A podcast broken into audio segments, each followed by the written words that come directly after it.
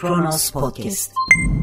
Gerek salgın kısıtlamaları nedeniyle gerekse de hafta sonu olduğu için daha büyük bir kitleye ulaşılacağı düşünülerek gününden önce 8 Mart Emekçi Kadınlar Günü ile ilgili etkinlikler düzenlendi, düzenleniyor düzenlenmesi de gerekiyor. Çünkü bazı kesimler kadınla ilgili bir etkinlik duyduğu zaman, kadınla ilgili bir faaliyete imza atılacağını duyduğu zaman hemen meseleyi feminizm karşıtlığı üzerinden okuyor yahut da Türk toplumunun aile yapısının bozulması gibi cümleler kurarak karşılıyor.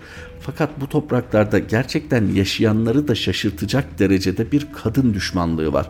Sözünü ettiğim kadının toplumdaki statüsü, kadının ailedeki yeri değil kadının canına kasteden bir düşmanlık var.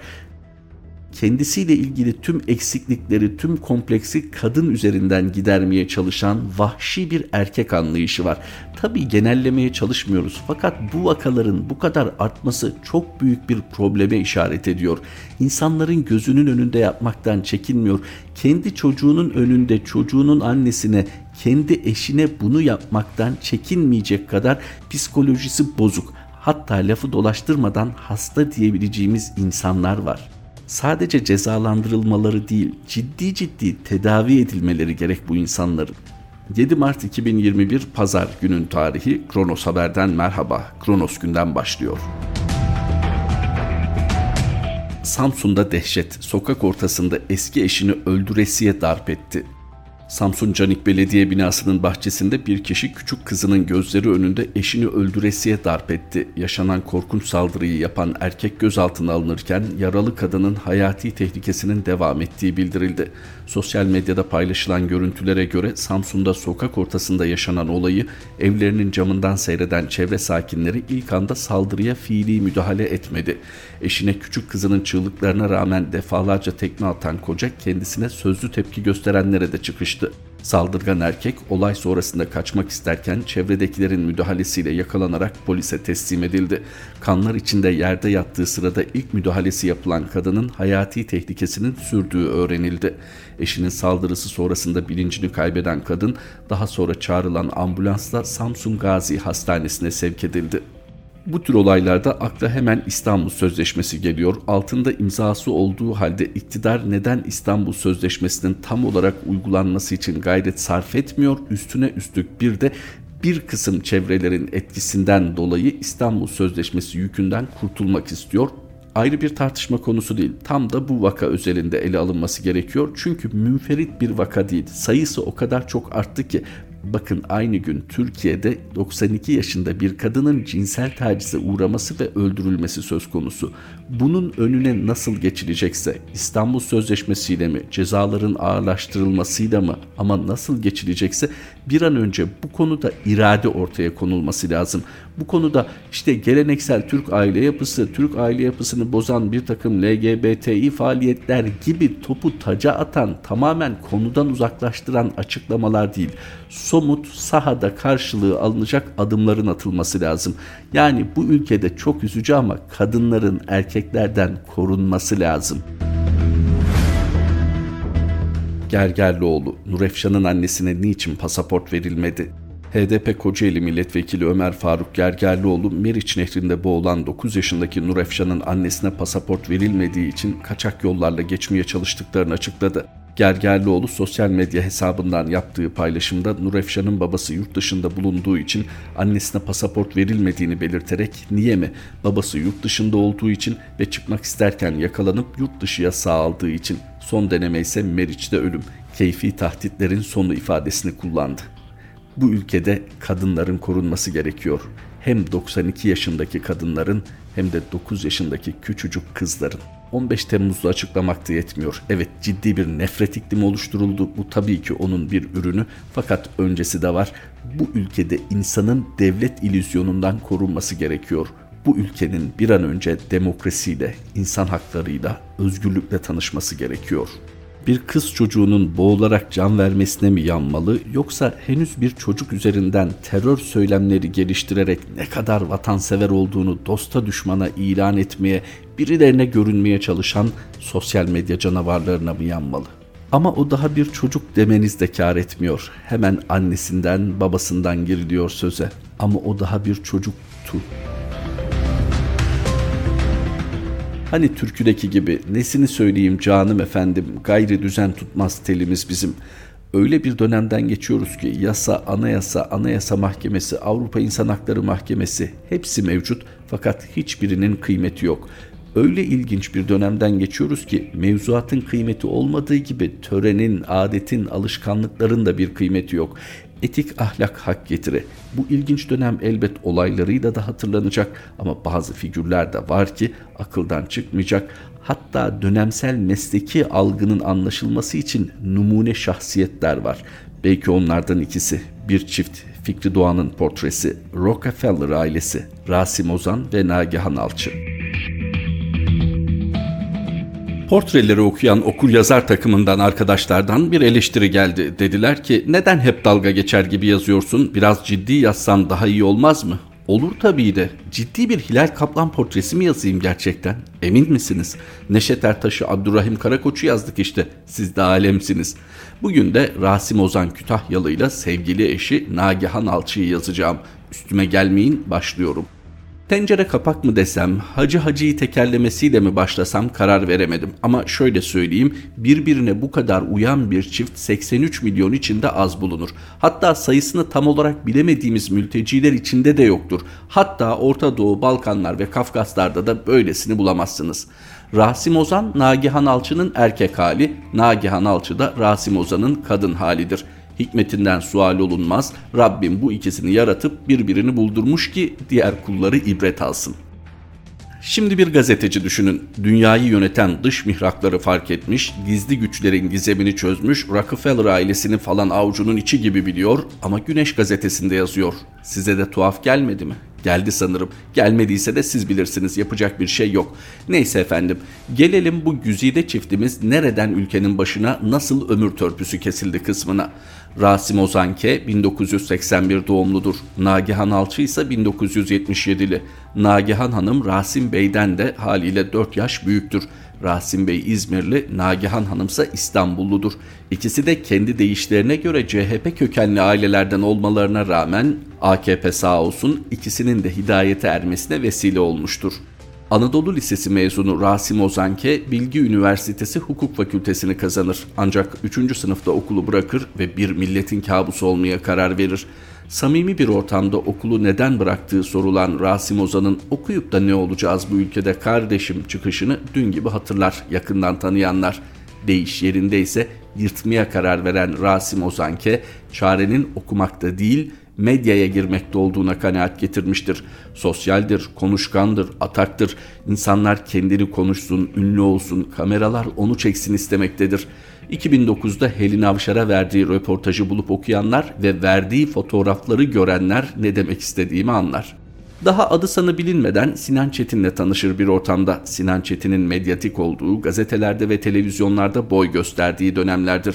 Yapışır Sinan abisinin eteğine. Plato filmde bir süre metin yazarlığı yapar. Bu arada tanıdık sayısını da hızla artırmaktadır. Şimdi burası çok önemli sevgili okuyucular. Yıl 2005-2006 civarı. AKP iktidardadır ama medya çiçeği burnunda sayılan iktidarı çok hırpalamaktadır. Şaşırmayın o dönemde hükümetimiz efendimiz aleyhine haber yapılabilmektedir. Doğan grubu, Ciner grubu falan yerden yere vurabilmektedir iktidarı.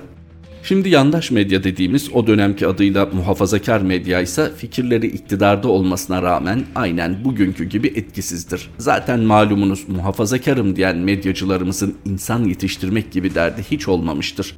İktidarın icraatlarını anlatacak, sözü dinlenir, güvenilir yazar çizer takımı yok denecek kadar azdır. Sağdan sola saysanız Fehmi Koru Nazlı Ilıcak, soldan sağa saysanız Fehmi Koru Nazlı Ilıcak durumu yani.'' Bir gün Tayyip Erdoğan'ın da olduğu bir toplantıda yine söz döner dolaşır bu konuya gelir. Dönemin başbakanı icraatlarının anlatılamadığından yakınırken şimdi buraya ismini yazamayacağım Bayne bir muhafazakar medya yöneticisi Türkiye'yi ateşe atan dahiyane fikrini söyler. Artık çok sert bir muhalif kendisi. Gözaltına bile alındı bir süre önce.'' Malum yönetici bizim yazarları karşı taraf ciddiye almıyor. Zaten yazdıkları da çok okunmuyor. Okuyanlar da onlar zaten hükümet destekçisi diye inanmıyor. Biz yeni gençler bulalım ya da karşıdan bu karşı muhalif basın oluyor. Bize yakın isimlerle anlaşalım. İcraatları onlar yazsın. Daha etkili olur diyor. Bu fikir çok tutuluyor. Erdoğan o zaman bu işi de siz organize edin diye talimat veriyor. İşte bugün ekranda görüp bu ne zaman gazeteci oldu arkadaş ya da bu azılı bir muhalif değil miydi diye şaşırdığımız onlarca ismi başımıza musallat eden proje böyle çıkıyor. Rasim Ozan K'sinden Nagihan Alçısına, Cem Küçük'ten eskinin Mao'cusu Fuat Uğur'a kadar onlarca isim teker teker AKP'li yapılıyor. Nasıl yapıldığını da anlayın artık. Dönelim Güzide ikilimize. Rasim Ozan Kütahyalı o dönemlerde Sinan Çetin'le takılıyor dedik. Sinan Çetin yancılığı ona yeni kapılar açıyor tabii ki. Ortamlarda ekonomik liberalizmi savunuyor. Ç'ye terörist demekten imtina etmiyor. Vicdani retçi olduğunu söyleyip devlete verip veriştiriyor.'' Bu çıkışları dikkat çekince bizim aklı evvel ve ekibi bu arkadaşı alıp Taraf gazetesine köşeci yapıyor. Medyaya ilk adımını atan Rasim Ozan Kütahyalı dönemin ruhuna uygun yazılar döşeniyor. Dönem statükoya, askeri vesayete karşı savaş dönemi. Savaşta da ittifakta olan iki kesim var. AKP iktidarı ve Gülen cemaati. Rasim de daha erbaş olmasına rağmen en öne atıyor kendini. Kelle koltukta savaşıyor. Bu arada hem hükümet hem de Gülen cemaatiyle iyi ilişkiler kurmayı da başarıyor. Ama tek gayesi var aslında aslan parçasının. Çok ünlü olup çok para kazanmak. Tarafta adı duyulunca ekranlarda açılıyor roka. Hükümete yakın kanallarında, muhalif kanallarında gözdesi oluyor. Nasıl olmasın bilenin de bilmeyenin de ekranlarda ahkam kestiği dönem. Kimin ne dediği değil ne kadar bağırdığı para ediyor medyada. En çok ilgiyi de en çok bağıranlar çekiyor haliyle. Rasim de bunu keşfedip stüdyoları inletiyor hırıltılı sesiyle. Ekranlardaki konuk dönemini çabuk atlatan Rasim Ozan, Kanal Türk televizyonunda program yapmaya başlıyor. Artık tanınan ve aranan bir fikir adamı oluyor kendisi. Derken taraftaki entelektüel hava boğuyor Rasim Ozan Kütahyalı'yı. Daha popüler, daha gözde olmayı kafasına koyan Rasim, kendisini köşeci yapan arkadaşlara daha büyük, en azından daha popüler bir gazetede yazmak istediğini söylüyor.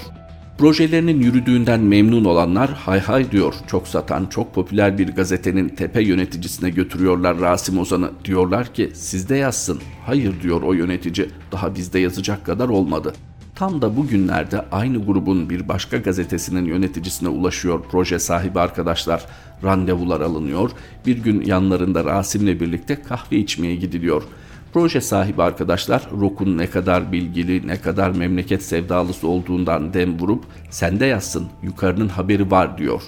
Gazete yöneticisi bir bakalım deyip başından savarken Rasim Ozan Kütahyalı içindeki ünlü olma hırsını tutamayıp müdürüm diyor ben manken ve oyuncu falanla çıkıyorum. Şöyle Reyna'nın kapısında senin magazin muhabirlerine yalandan yakalansam bize haber yapsanız ünlü yazar falanla görüntülendi diye kıyak olmaz mı?''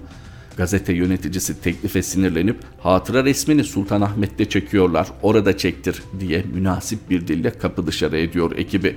Proje sahibi çıkarken ayıp Rasim Bey'e başın ağrıyacak demedi deme diye tehdit sallamayı da ihmal etmiyor. Büyük medya grubundan umduğunu bulamayan Rock mecburen yelkenleri suya indirip Kanal T ile anlaşıyor. Sonranın hükümetçisi Mahmut Övür'le birlikte politik performans diye bir programla yetinmek zorunda kalıyor.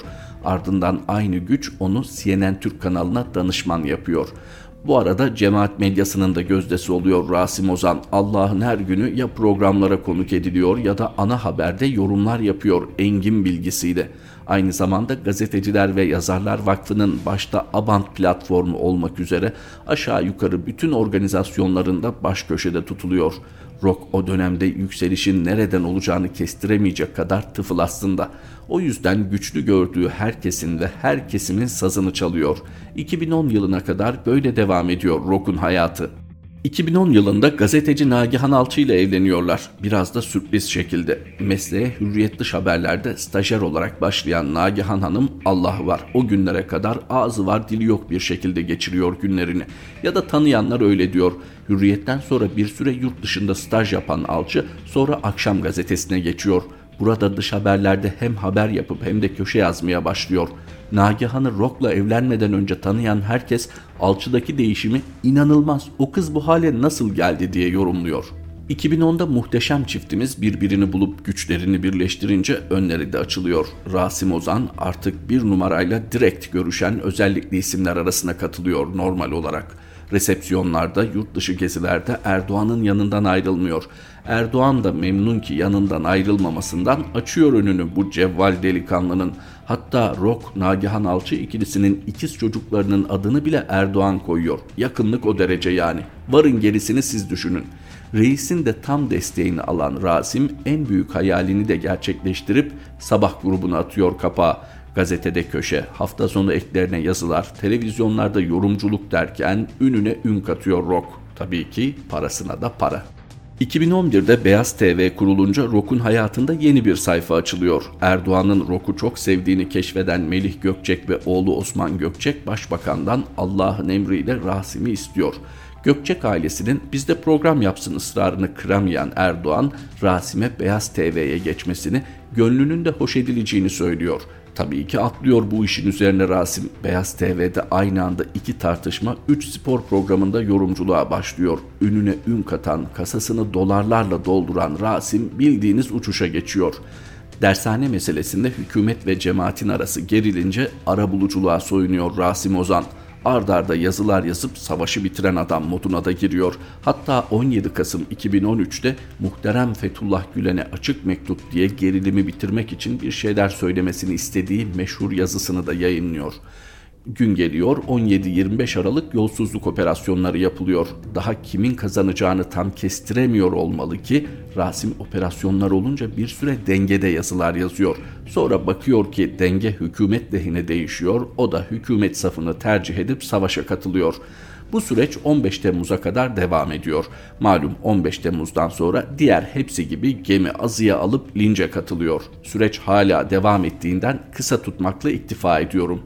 Aynı zamanda Nagihan Hanım da boş durmuyor. CNN'de daimi program, Milliyet Gazetesi'nde köşe açılıyor kendisine. Nasıl açılmasın? Başbakanın en gözde gazetecisinin biricik eşi değil mi? Açılacak tabii ki. O program senin, bu program benim. Gün görmemiş fikirleriyle aydınlatıyor karanlık dünyamızı. 2017'ye kadar Milliyet'te yazmaya devam ediyor. Oradan ayrılınca da Habertürk kapılarını ardına kadar açıyor Nagihan'a. Hülasa Rasim Ozan'ın tükeniş grafiği de yükselişi kadar hızlı ve sert olacağı benziyor. Ağzının ayarını tutturamayan kahramanımızın Alperen ocakları ile ilgili söylediklerinden sonra uğradığı saldırı ders olmuyor. Aklına geldiği gibi konuşan Rock, asıl skandal sözleri beyaz futbol denilen futboldan başka her şeyin konuşulduğu programda söylüyor. Boşnaklarla ilgili rezil ifadelerinden sonra Boşnaklar ayağa kalkınca Rasim Ozan kovuluyor.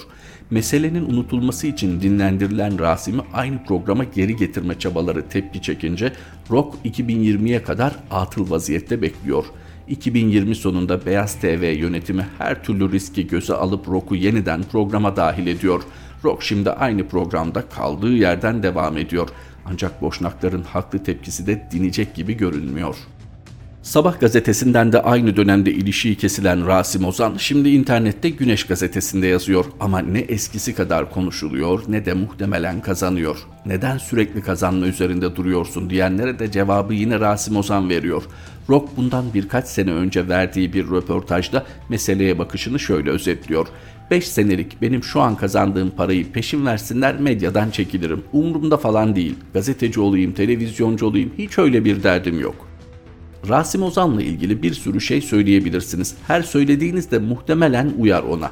Tıpkı bir ekşi yazarının neoliberalizmin Herostratos'udur kendisi dediği gibi. Sırf tarihe geçmek için Artemis Tapınağı'nı yakan kişi ya da Kurtlar Vadisi dizisi için yazdıklarından sonra Pana filmin taraf gazetesi yöneticilerine hitaben açıklamasında dediği gibi henüz donunu giymemişe köşe yazdırırsanız böyle olur. Sadece kendi altına yapmaz, ortalığı da berbat eder. Lütfen çocuğunuza sahip çıkın. Nasıl diyorlardı?